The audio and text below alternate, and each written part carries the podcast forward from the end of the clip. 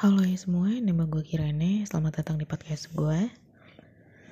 Hari ini enaknya ngobrolin apa ya? Secara sekarang udah jam setengah satu pagi. Dan tanggal 11 bulan 11 sudah pada check out belum? Ayo Shopee, ayo Tokopedia-nya, ayo dilihat yo. Jadi kayak marketingnya gue ya Ya soalnya kan biasanya kan kalau misalkan ini Harbolnas bukan sih? Apakah iya? Apakah bukan ya? 11-11 lah pokoknya intinya. Kayaknya setiap bulan juga ada uh, ini ya, ada acara lah. Kalau misalkan yang marketplace, marketplace kayak gitu. Ya udah, uh, itu cuman kayak permulaan aja sih. Bahasan permulaan karena sebenarnya gue gak pengen ngomongin itu bahasan kali ini malam ini gue eh udah pagi dong. Ya bahasan pagi ini malam menjelang pagi lah ya. Gue pengen ngomongin eh enaknya tuh kayak ini gak sih?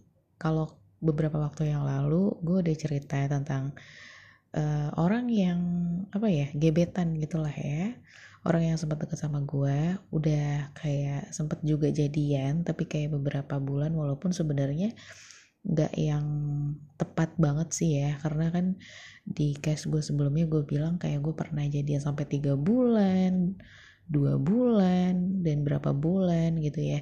Itu juga sebenarnya sih kayak kurang lebihnya. Gue juga karena gue udah lupa juga nggak nggak tahu uh, spesifiknya atau kayak tepatnya gitu ya tepatnya gue kayak jadiannya berapa lama ya gue lupa gitu. Ya kurang lebihnya lah gitu ya. Nah setelah gue kayak ngomongin orangnya kali ini gue pengen cerita tentang uh, apa sih yang gue rasakan apa sih kayak fase-fasenya gitu. Jadi kayaknya kita mulai aja ya.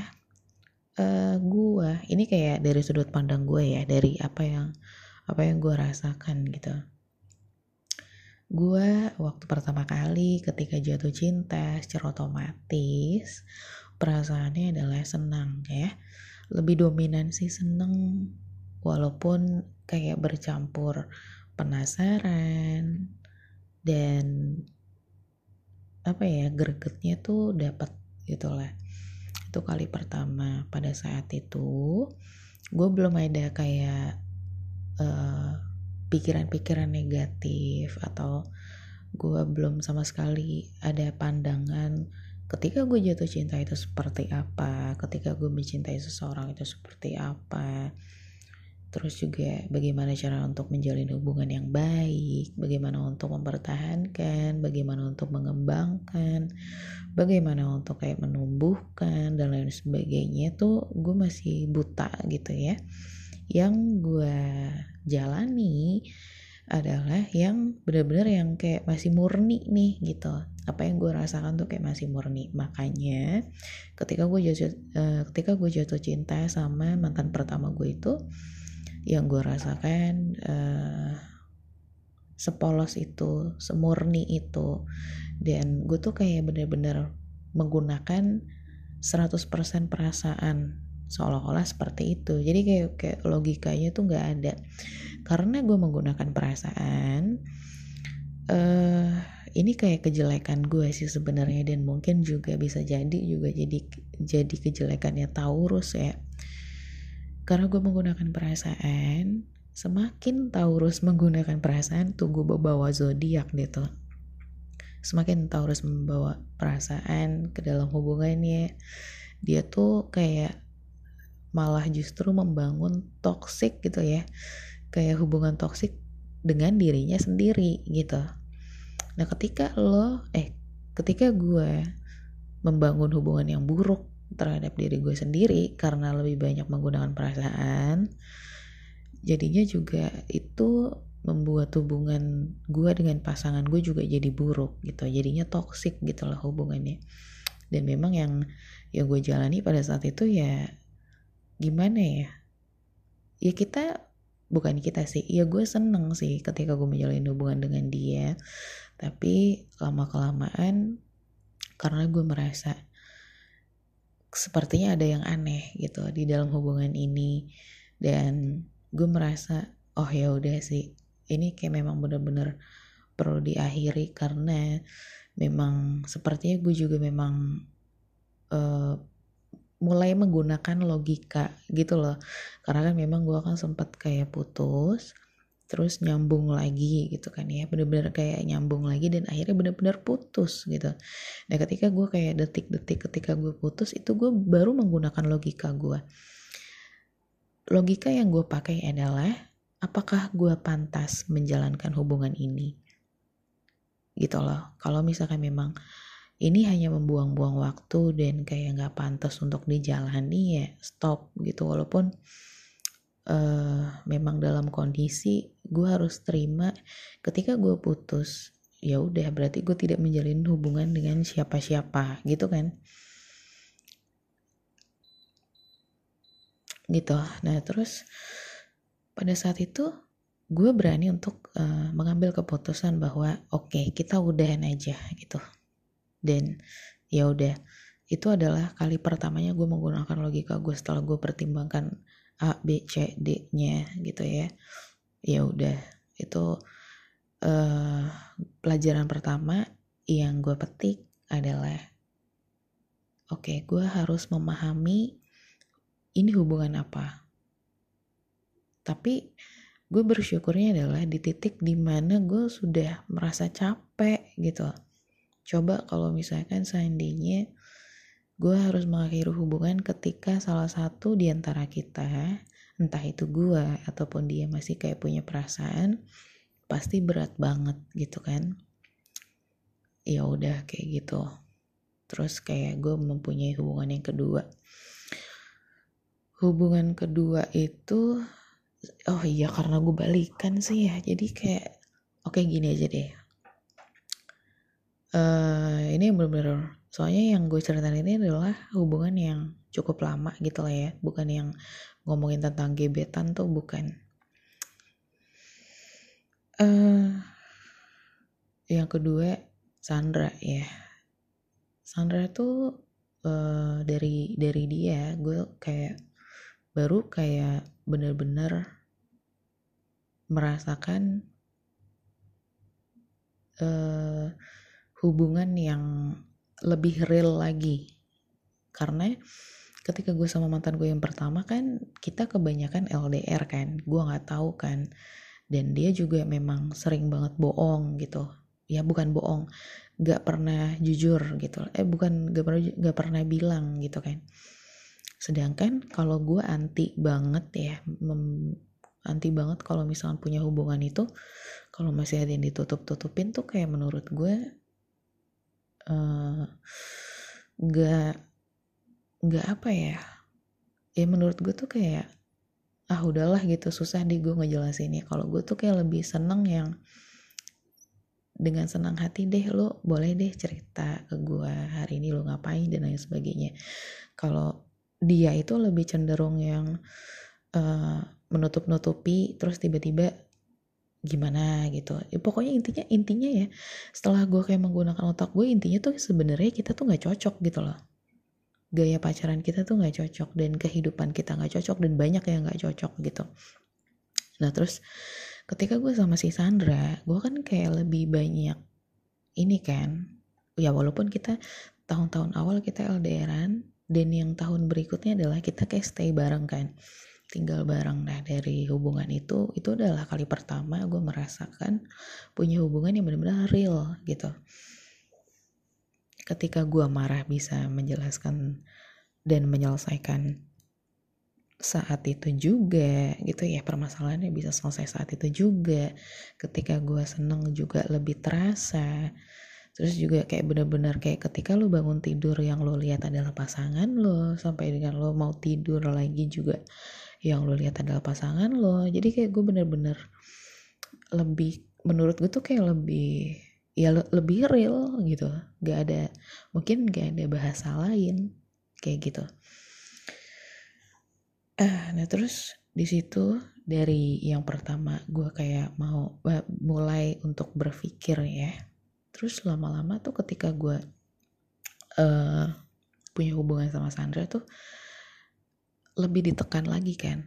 Kayak lebih ada harus ada interaksi lagi kan gitu kan. Nah, gue tuh kayak jadi mengerti oh hubungan tuh kayak gini oh kayak gitu dia tuh maunya kayak gini. Gue lebih kayak mengerti pasangan uh, pasangan gue kenapa sih apalagi pas gue putus ya.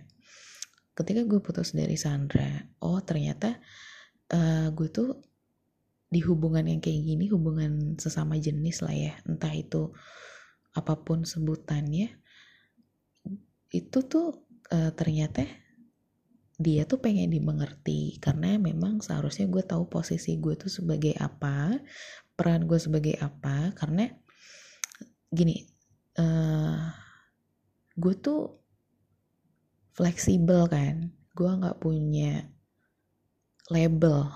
Gue tuh no label kalau misalkan digambarin atau disebutin ya gue no label kadang terkadang.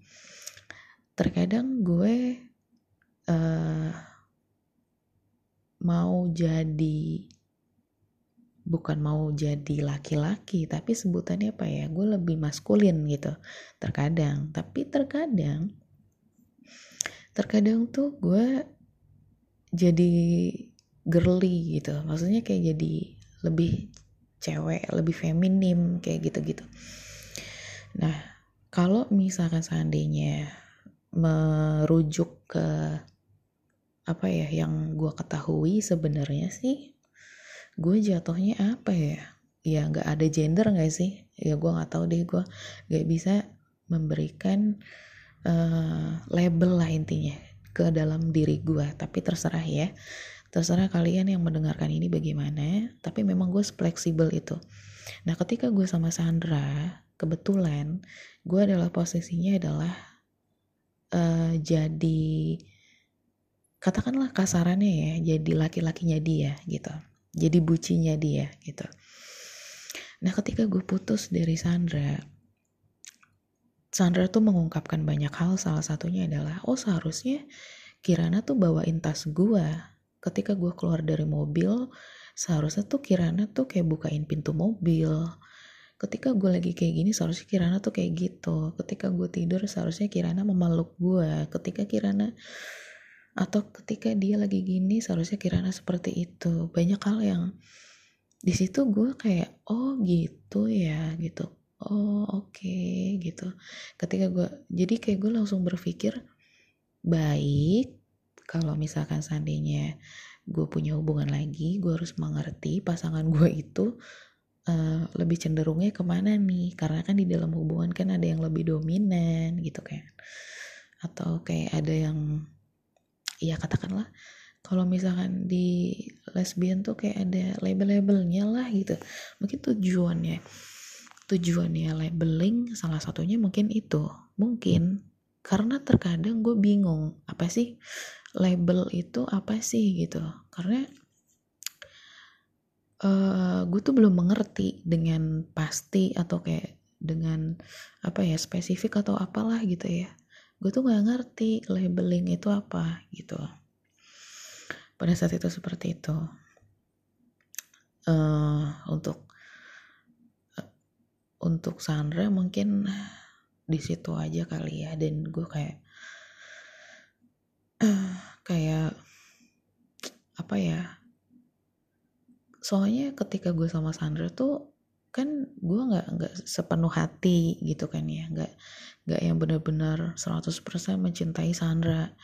Dan kayak pada saat itu juga gue kan kayak masih transisi ketika gue um, kayak remaja menuju dewasa gitu. Dan gue tuh jiwa gue tuh kayak masih yang jujur masih kayak pengen bandel gitu. Ketika gue sama si Sandra tuh gue masih yang kayak sana sini sana sini masih uh, suka mengeksplor apa sih kalau misalkan seandainya gue uh, kenalan sama orang lain dan lain sebagainya kayak gitulah pokoknya. Jadi uh, segitu cerita tentang Sandra. Habis dari Sandra pacar ketiga gue adalah Onet. Nah Onet ini uh, gua gambarkan gimana ya ibaratnya gua adalah bangunan gedung gitu ya dengan dengan keamanan yang ternyata jebol gitu lah. Keamanan gue tuh jebol kayak securitynya tuh keracunan semua gitu bisa dibayangkan lah ya seperti apa sericuh apa gitu. Ketika gue sama si Onet lagi-lagi gue nggak pakai labeling kebetulan itu adalah kebetul itu kayak keberuntungan dia sih sebenarnya. Onet itu ketemu gue di titik di mana itu adalah titik terbaik di hidup gue sebenarnya dari segi dari segi fisik dari segi seharusnya dari segi walaupun uh, pekerjaan gue pada saat itu masih kayak admin tapi itu perusahaan yang bonafit. Gue waktu itu kerja di satu perusahaan yang besar uh, sampai sekarang juga perusahaan itu masih besar. Cuman karena gaji gue tuh ini kayak kayak misalkan eh bukan misalkan jadi gaji gue tuh kayak terpecah-pecah dan seolah-olah kecil. Tapi sebenarnya enggak enggak kecil. Karena embel-embelnya tuh gede gitu banyak gitu. Nah gue pada saat itu merasa gue e, di titik di mana ketika gue sama Onet adalah itu puncaknya puncaknya diri gue gitu kehidupan gue semuanya gue punya dari segi karir dari bukan karir sih bukan gak tepat itu kayaknya kalau misalkan ngomong karir ya. Tapi uh, ya pokoknya kayak gitu deh pekerjaan gitulah ya. Dari segi pekerjaan dari segi fisik gue dari segi uh, kepribadian gue menurut gue ya menurut gue dan lain-lain gitu. Kayak semuanya udah mendukung dan kebetulan gue ketemunya sama si Onet gitu ya ketika gue ketemu sama si Onet gue kayak ngerasa jujur kayak lebih pede dong karena semuanya gue ngerasa udah gak ada masalah gitu kan ya. Dan gue berpikir Onet adalah orang yang mau terus sama gue gitu ya. Baik uh, buruk dan senang dan sedih dan segala macam. Ketika itu gue ngelihat Onet tuh ibarat kata oasis di padang pasir gitu. Terus uh, gue tipe orang yang kalau ibarat kata gue udah dielus kepalanya gue bakal kayak kayak kucing gitu kan. Jadi gue tunduk sama dia pada saat itu dan gue kayak merasa karena dia jauh umurnya dari gue gue sangat menghormati dia gue merasa dia itu uh, kiblat gue. Dan ketika dia bilang Kirana lo seharusnya pakai baju yang ini dong. Ini kan kayak gini kan buat menutupi ini. Ini tuh kayak lebih bagus daripada itu. Itu gue tuh kayak mengikuti dia. Gue meng mengikuti maunya dia gitu. Dari situ gue belajar lagi tentang oh ternyata kalau misalkan orang jatuh cinta kalau misalkan orang punya hubungan seperti ini ya gitu. Kayak diatur gitu ya. Padahal sejujurnya gue paling benci banget diatur. Kalau Taurus tuh sebenarnya tuh nggak suka kan ya diatur ya. Itu kalau misalkan seandainya hmm, gue tuh kayak secara sadar itu tuh kayak jujur gue nggak suka sih sebenarnya. Kalau misalkan ini kayak gini kayak gitu kayak gini kayak gitu ya walaupun itu baik walaupun itu baik tapi gue nggak suka gitu. Tapi karena gue sayang sama dia gue ikutin.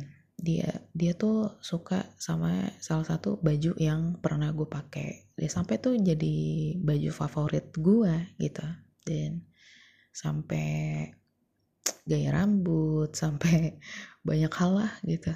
Di di apa ya diatur gitu sama dia. Dan gue kayak jujur kayak merasa bukan sebel sih. Jadi kayak ngerasa oh gue terawat gitu ngerti nggak? Karena kan sebelumnya uh, gue nggak pernah disebegitukan kan. Nah udah gitu juga apa pun yang gue mau tuh Onet tuh sempet nawarin kamu mau ini kamu mau itu aku beliin ya. Terus kayak gue ngerasa gue nggak butuh itu. Gue nggak mau itu dan gue cuma butuh lo gitu loh. Gue seperti itu ketika gue sama si Onet. Dan sebaliknya sih gue juga terkadang uh, berusaha gitu ya memberikan gaya hidup gue yang sederhana ini ke hidupnya si Onet. Gue tahu orang Cina itu kan uh, apalagi ya kayak gitulah ya bukan orang Cina sih. Nggak nggak nggak nggak nggak.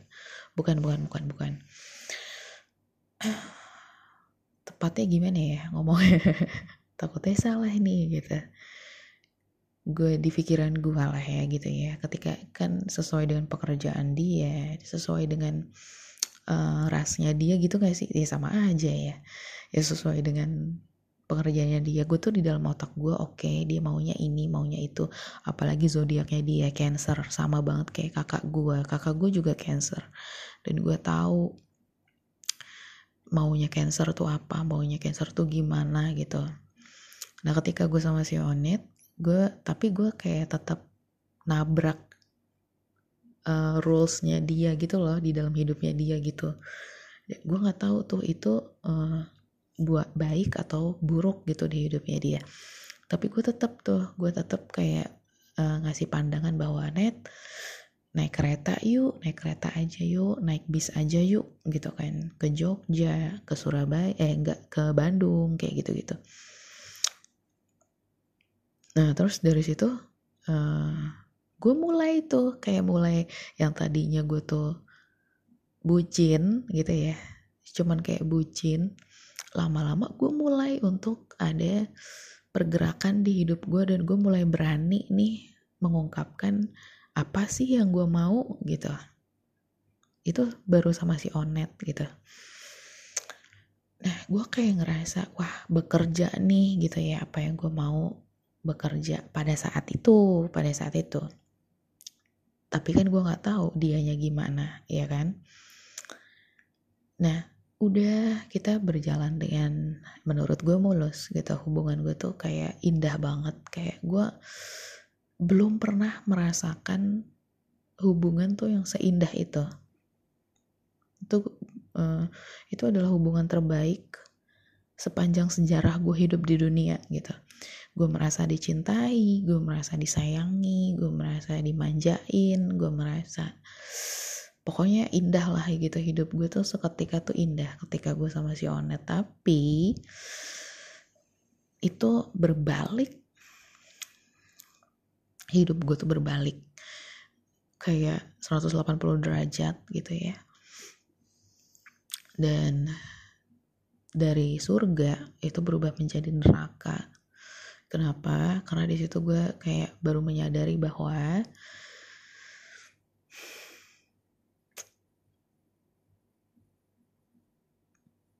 apa yang gue pikir itu tidak sesuai gitu. Apa yang apa yang selama ini gue bangun itu ternyata tidak dengan pondasi yang kuat gitu. Dan bangunan yang gue bilang tadi kayak banyak security-nya dengan keamanan yang yang lengkap, yang bagus, tapi ternyata gedung gue tuh masih bisa untuk dimasuki pencuri gitu. Dan hati gue tuh udah abis ya kan ketika gue sama si Onet.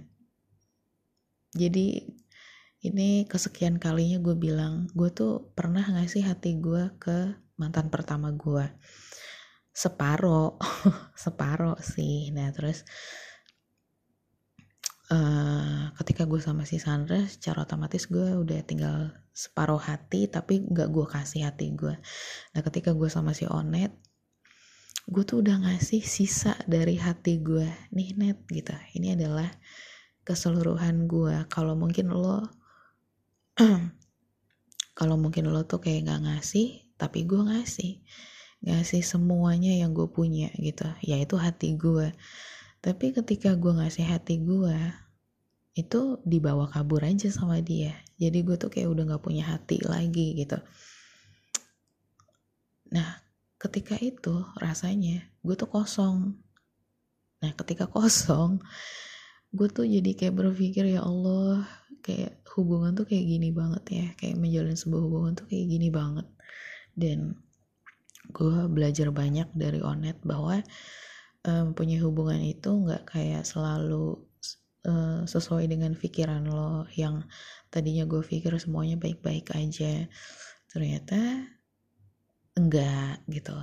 Ternyata nggak baik-baik aja gitu. Dan yang gue pikir gue tuh udah full kasih ke dia oh ternyata gue masih kurang.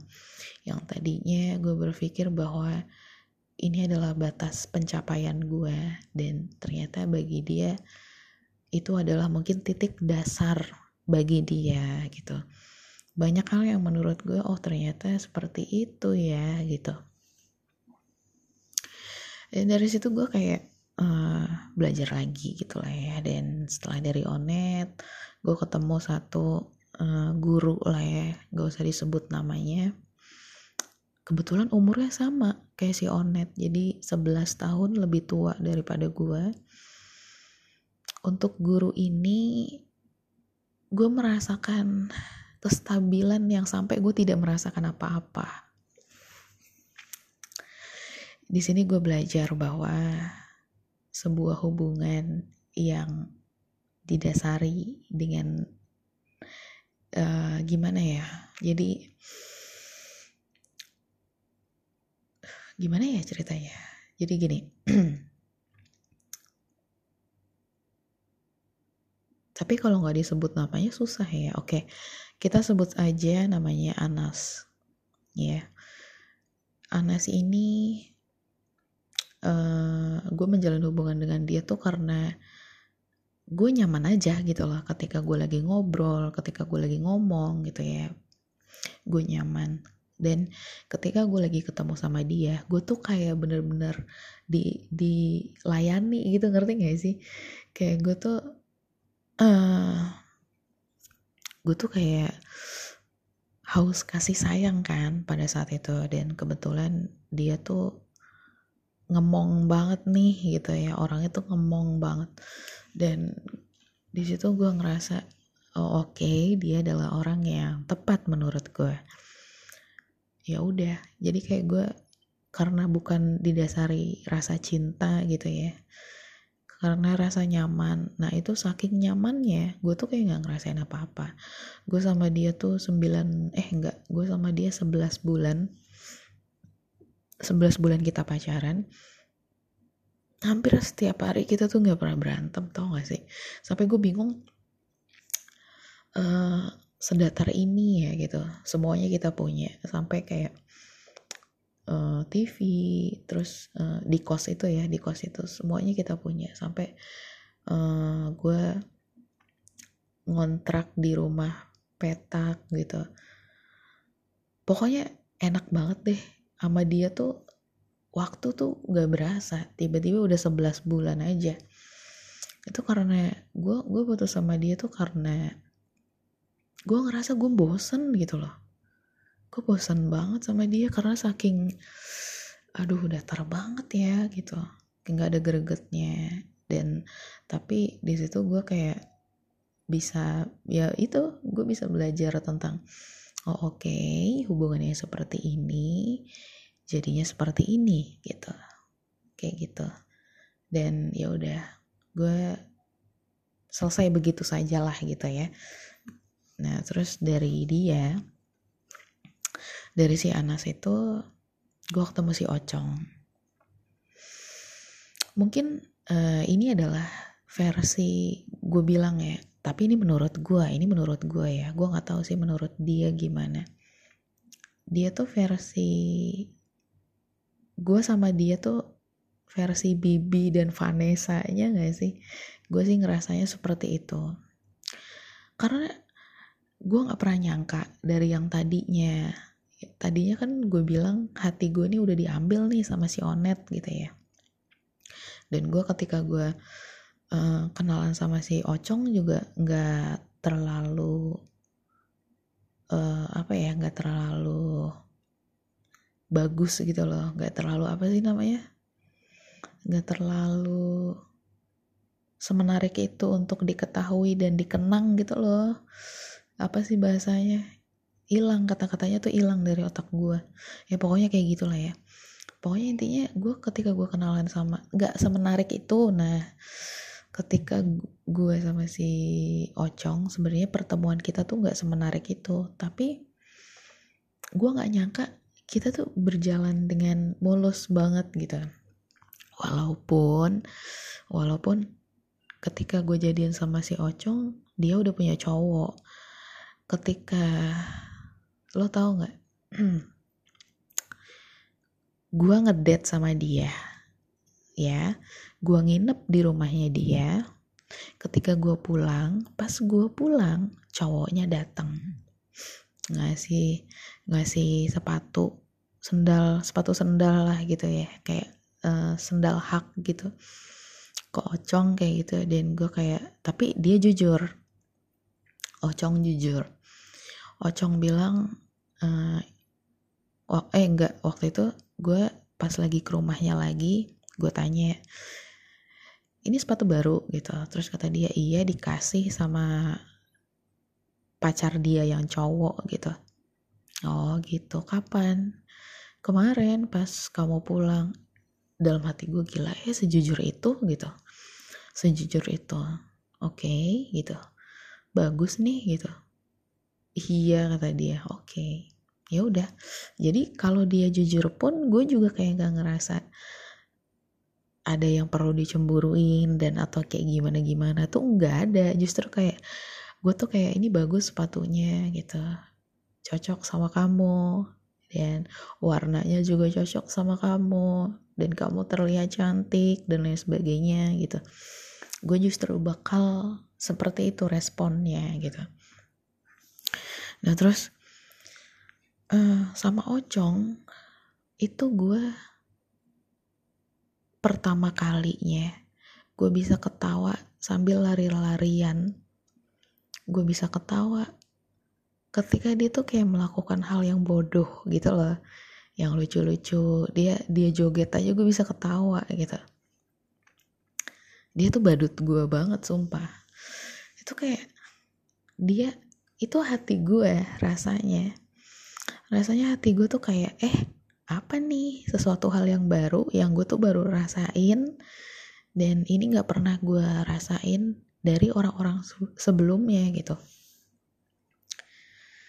Terus uh, dia kan sahabat gue banget ya si Ocong tuh.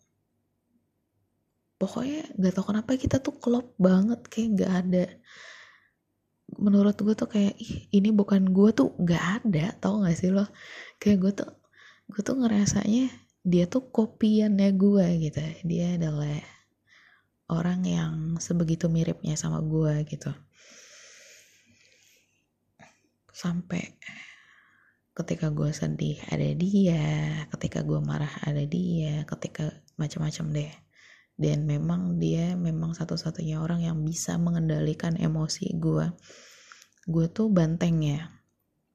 Lagi-lagi gue banteng dan memang mungkin sepertinya gue memerlukan orang seperti dia yang mengerti gitu loh. Kalau banteng lagi marah tuh gimana sih gitu. Kalau dia tuh nggak peduli dia nggak akan dia nggak akan menyimpan kata-kata gue di dalam hatinya dia. Dia akan uh, memasukkan kata-kata gue dan mengeluarkan dengan begitu mudah gitu. Jadi uh, gue tuh kayak ibarat kata mungkin gue tidak akan menemukan orang yang seperti dia lagi gitu loh rasanya. Seolah-olah gitu ya. Tapi kan kita gak akan pernah tahu ya. Karena kan hidup kan misteri. Gitu. Eh di situ sebenarnya uh, gue kayak merasa oh dia tuh uh, apa ya wujud dari pertanyaan gue gitu loh karena dulu dulu pertanyaan gue adalah ada gak sih orang yang menyayangi gue uh, apa adanya atau dengan kayak sepenuh hati atau dengan dengan apa ya dengan sebegitunya lah gitu. Jawabannya ada. Jawabannya ada tadinya gue berpikir ah nggak ada nih gitu. Nggak ada yang mengerti gue nggak ada yang mau ngedengerin gue gak ada yang sefok sefrekuensi deh gitu. Wah gue sama si Ocong tuh gimana ya? Pokoknya tuh kita tuh gila-gilaan. Gue naik motor sama dia jauh-jauh tuh gue happy banget gitu loh. Dia tuh bisa jadi partner motor gue yang yang keren gitu. Karena kan kebetulan dia juga ini kan apa naik motor juga. Dia tuh kayak pemotor juga gitu. Jadi kalau misalkan seandainya gue butuh apa dia tuh langsung yang kayak ya udah gue aja ya udah gue aja gitu. Kalau misalkan gue lagi males ini sih lebih seringnya ketika di kos sih. Karena kita tinggal bareng satu kos gitu ya. Gue tuh lebih sering kayak cong uh, Ocong ada rasa-rasa pengen beli ini nggak? Gitu. Gue tuh gitu. Gue tuh kalau misalkan mau minta tolong tuh pasti ada ada ciri khasnya gitu. Gue nggak kayak cong beliin ini dong gitu. Gue nggak kayak gitu. Tapi gue tuh kayak cong oh cong ada rasa-rasa mau beli ini nggak? Gitu Kirana lagi pengen ini tahu gitu. Enak tahu di situ yuk beli yuk gitu. Terus dia tuh yang kayak seneng gitu kayak ya udah ya udah uh, uh, tapi ocong aja ya Kirana lagi males gitu. Sini tuh kayak kayak ah gitu. Padahal itu ngantri gitu loh. Di tempat itu tuh padahal ngantri tapi dia mau aja gitu. Terus kadang gue kalau misalkan kan kita selalu bareng ya makan malam tuh kita selalu bareng. Kalau gue ngejemput dia uh, pasti kita tuh selalu nongkrong di tempat yang sama gitu. Di mall itulah pokoknya di satu mall lah gitu. Terus kayak karena kita tuh kayak masa sih cuman makan doang gitu kayaknya ya? Akhirnya kita tuh sering banget nonton sering banget nonton kan. Dan terus uh, mungkin udah ratusan film kita tonton bareng gitu karena saking seringnya kita tuh kayak apa ya nunggu sebenarnya sih nunggu macet sih. Karena kantornya si Ocong tuh rawan macet dan gue paling sebel banget kalau lagi macet. Gue bilang gini Cong pulangin ntar aja deh Cong. Soalnya gue pegel nih gue bilang gitu kan. Gue pegel naik motor gitu kan. Ngebawa lu. Gue kan pegel ya gitu. Terus akhirnya hmm, ya udah deh. Ayo kita makan dulu gitu. Ayo abis makan nonton yuk ayo gitu kan. Terus kalau misalkan abis nonton ayo nongkrong lagi yuk. Nongkrong gitu. Pokoknya pokoknya enak banget deh waktu sama si Wajong tuh. Kebetulan kan memang kita tuh suka banget promo kan. Terus kita tuh kayak ada beberapa kartu kredit kan. Dia tuh punya kartu kredit yang gue nggak punya gitu kan.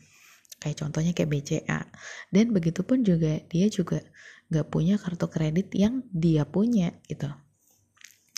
Gue punya mandiri. Mandiri kan banyak promonya ya. Mau beli apa aja banyak banget promonya gitu. Terus kayak kita makan di tempat yang kita biasa makan. Terus pakai kita bayar? Tidak. Kita tidak membayar. Tapi kita menggunakan poin gue karena gue dulu kan sering banget belanja kan. Belanja terus gitu kan. Terus akhirnya terkumpullah poin gitu. Bentuknya poin gitu ya. Dan terus poin itu bisa ditukarkan di tempat kita suka makan. Di tempat kita suka makan gitu. Kayak gitu. Nah terus selain itu eh, kalian tahu Bank Mega? Kalian tahu Carrefour? Belanjalah di Carrefour dengan menggunakan Bank Mega gitu ya. Nah kebetulan kebetulan dia juga punya tuh kartu kredit Bank Mega gitu kan. Gue juga punya gitu. Ya udah kita belanja tuh uh, pakai kartu itu tuh udah untung banget itu kartu sakti sih kalau misalkan lagi belanja bulanan gitu ya kadang dia juga kalau lagi mau beli makanan-makanan kucing gitu ya atau apa gitu pasti kita pakai kartu kita gitu. Kartu Bank Mega gitu.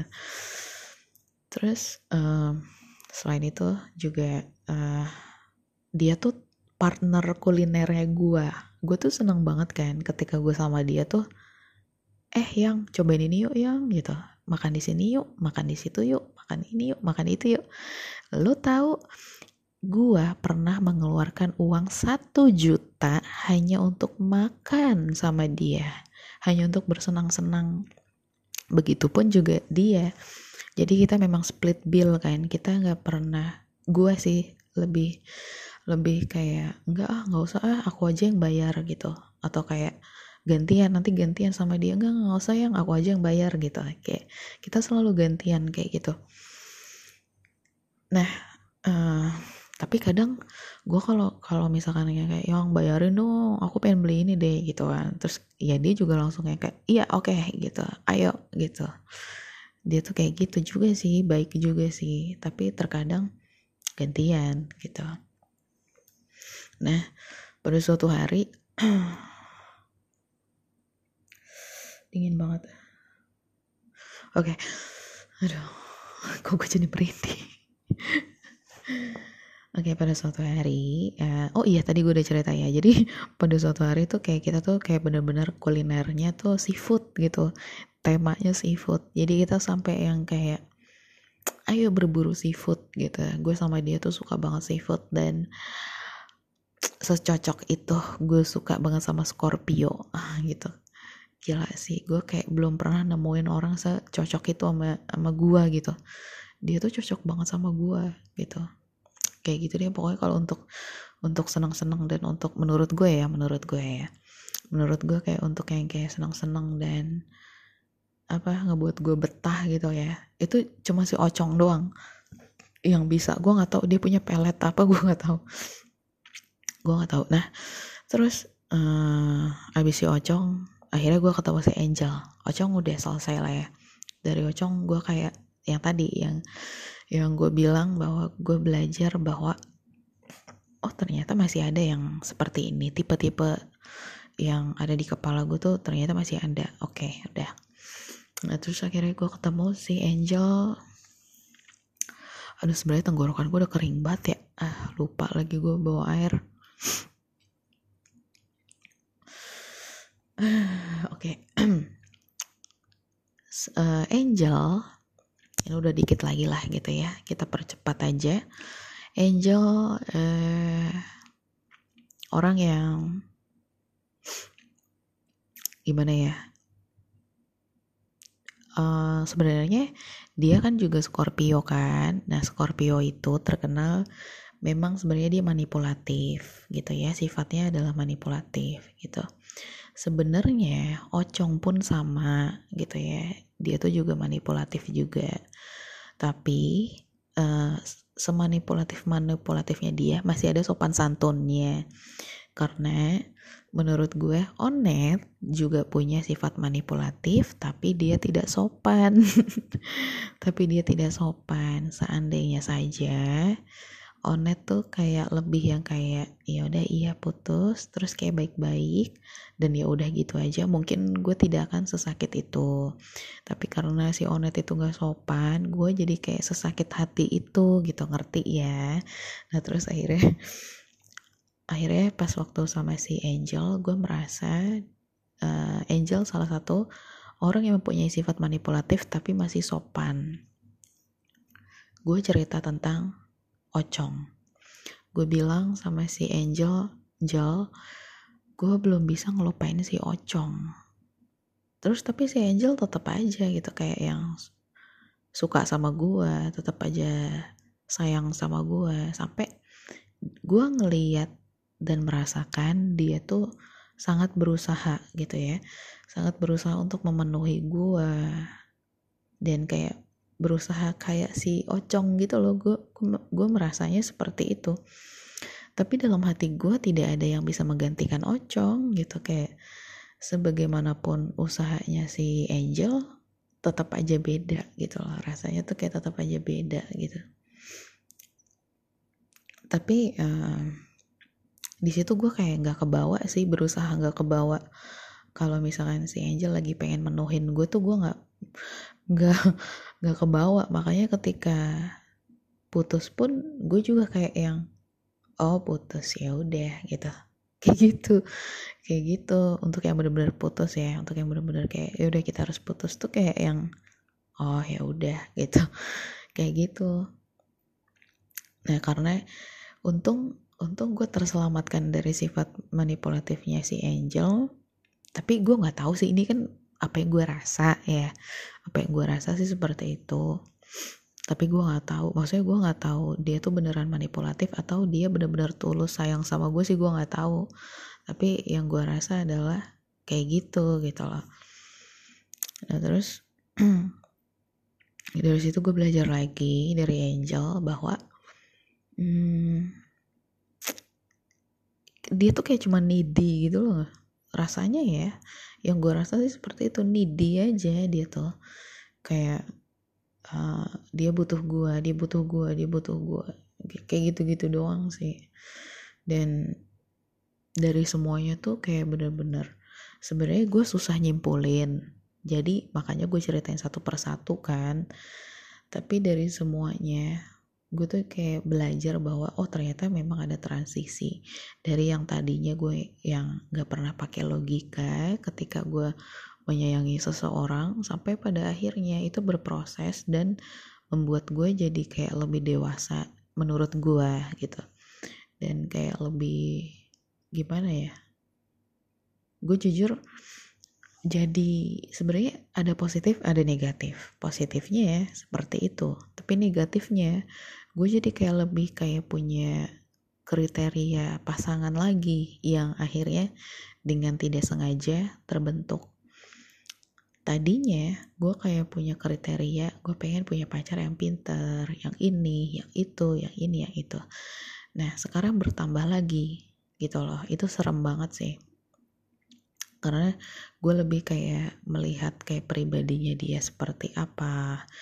Terus juga uh, kehidupannya dia seperti apa dan lain sebagainya. Kenapa? Karena gue nggak mau nggak mau kebawa ke hal yang menurut gue negatif gitu ya. Menurut orang mungkin kayak ah, apaan sih kayak gini doang mah gak negatif. Iya oke. Okay. oke. Okay. tapi menurut gue kan beda gitu ya sudut pandangnya tuh beda. Pendapat uh, orang dan pendapat gue juga berbeda kayak gitu. Nah terus uh, sebenarnya gak cuman mantan mantan gue juga tapi kayak gebetan gebetan gue juga berpengaruh juga sih. Karena justru sebenarnya yang punya kesan dan kayak ada cerita yang mendalam justru gebetan gue yang kemarin kan. Dan dari situ tuh kayak lebih yang kayak oh ini tuh yang kayak gini ini tuh kayak cuman pengen main-main aja itu tuh kayak cuman kayak pengen senang-senang aja ini tuh kayak uh, serius tapi kayak ada kendala entah apa gitu.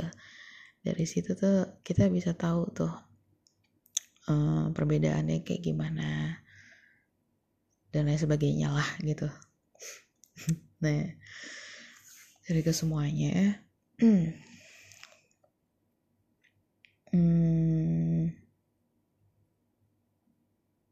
apa ya? Dari semuanya apa ya? Dari semuanya tuh menurut gue punya kesan punya cerita punya kesan tersendiri gitu.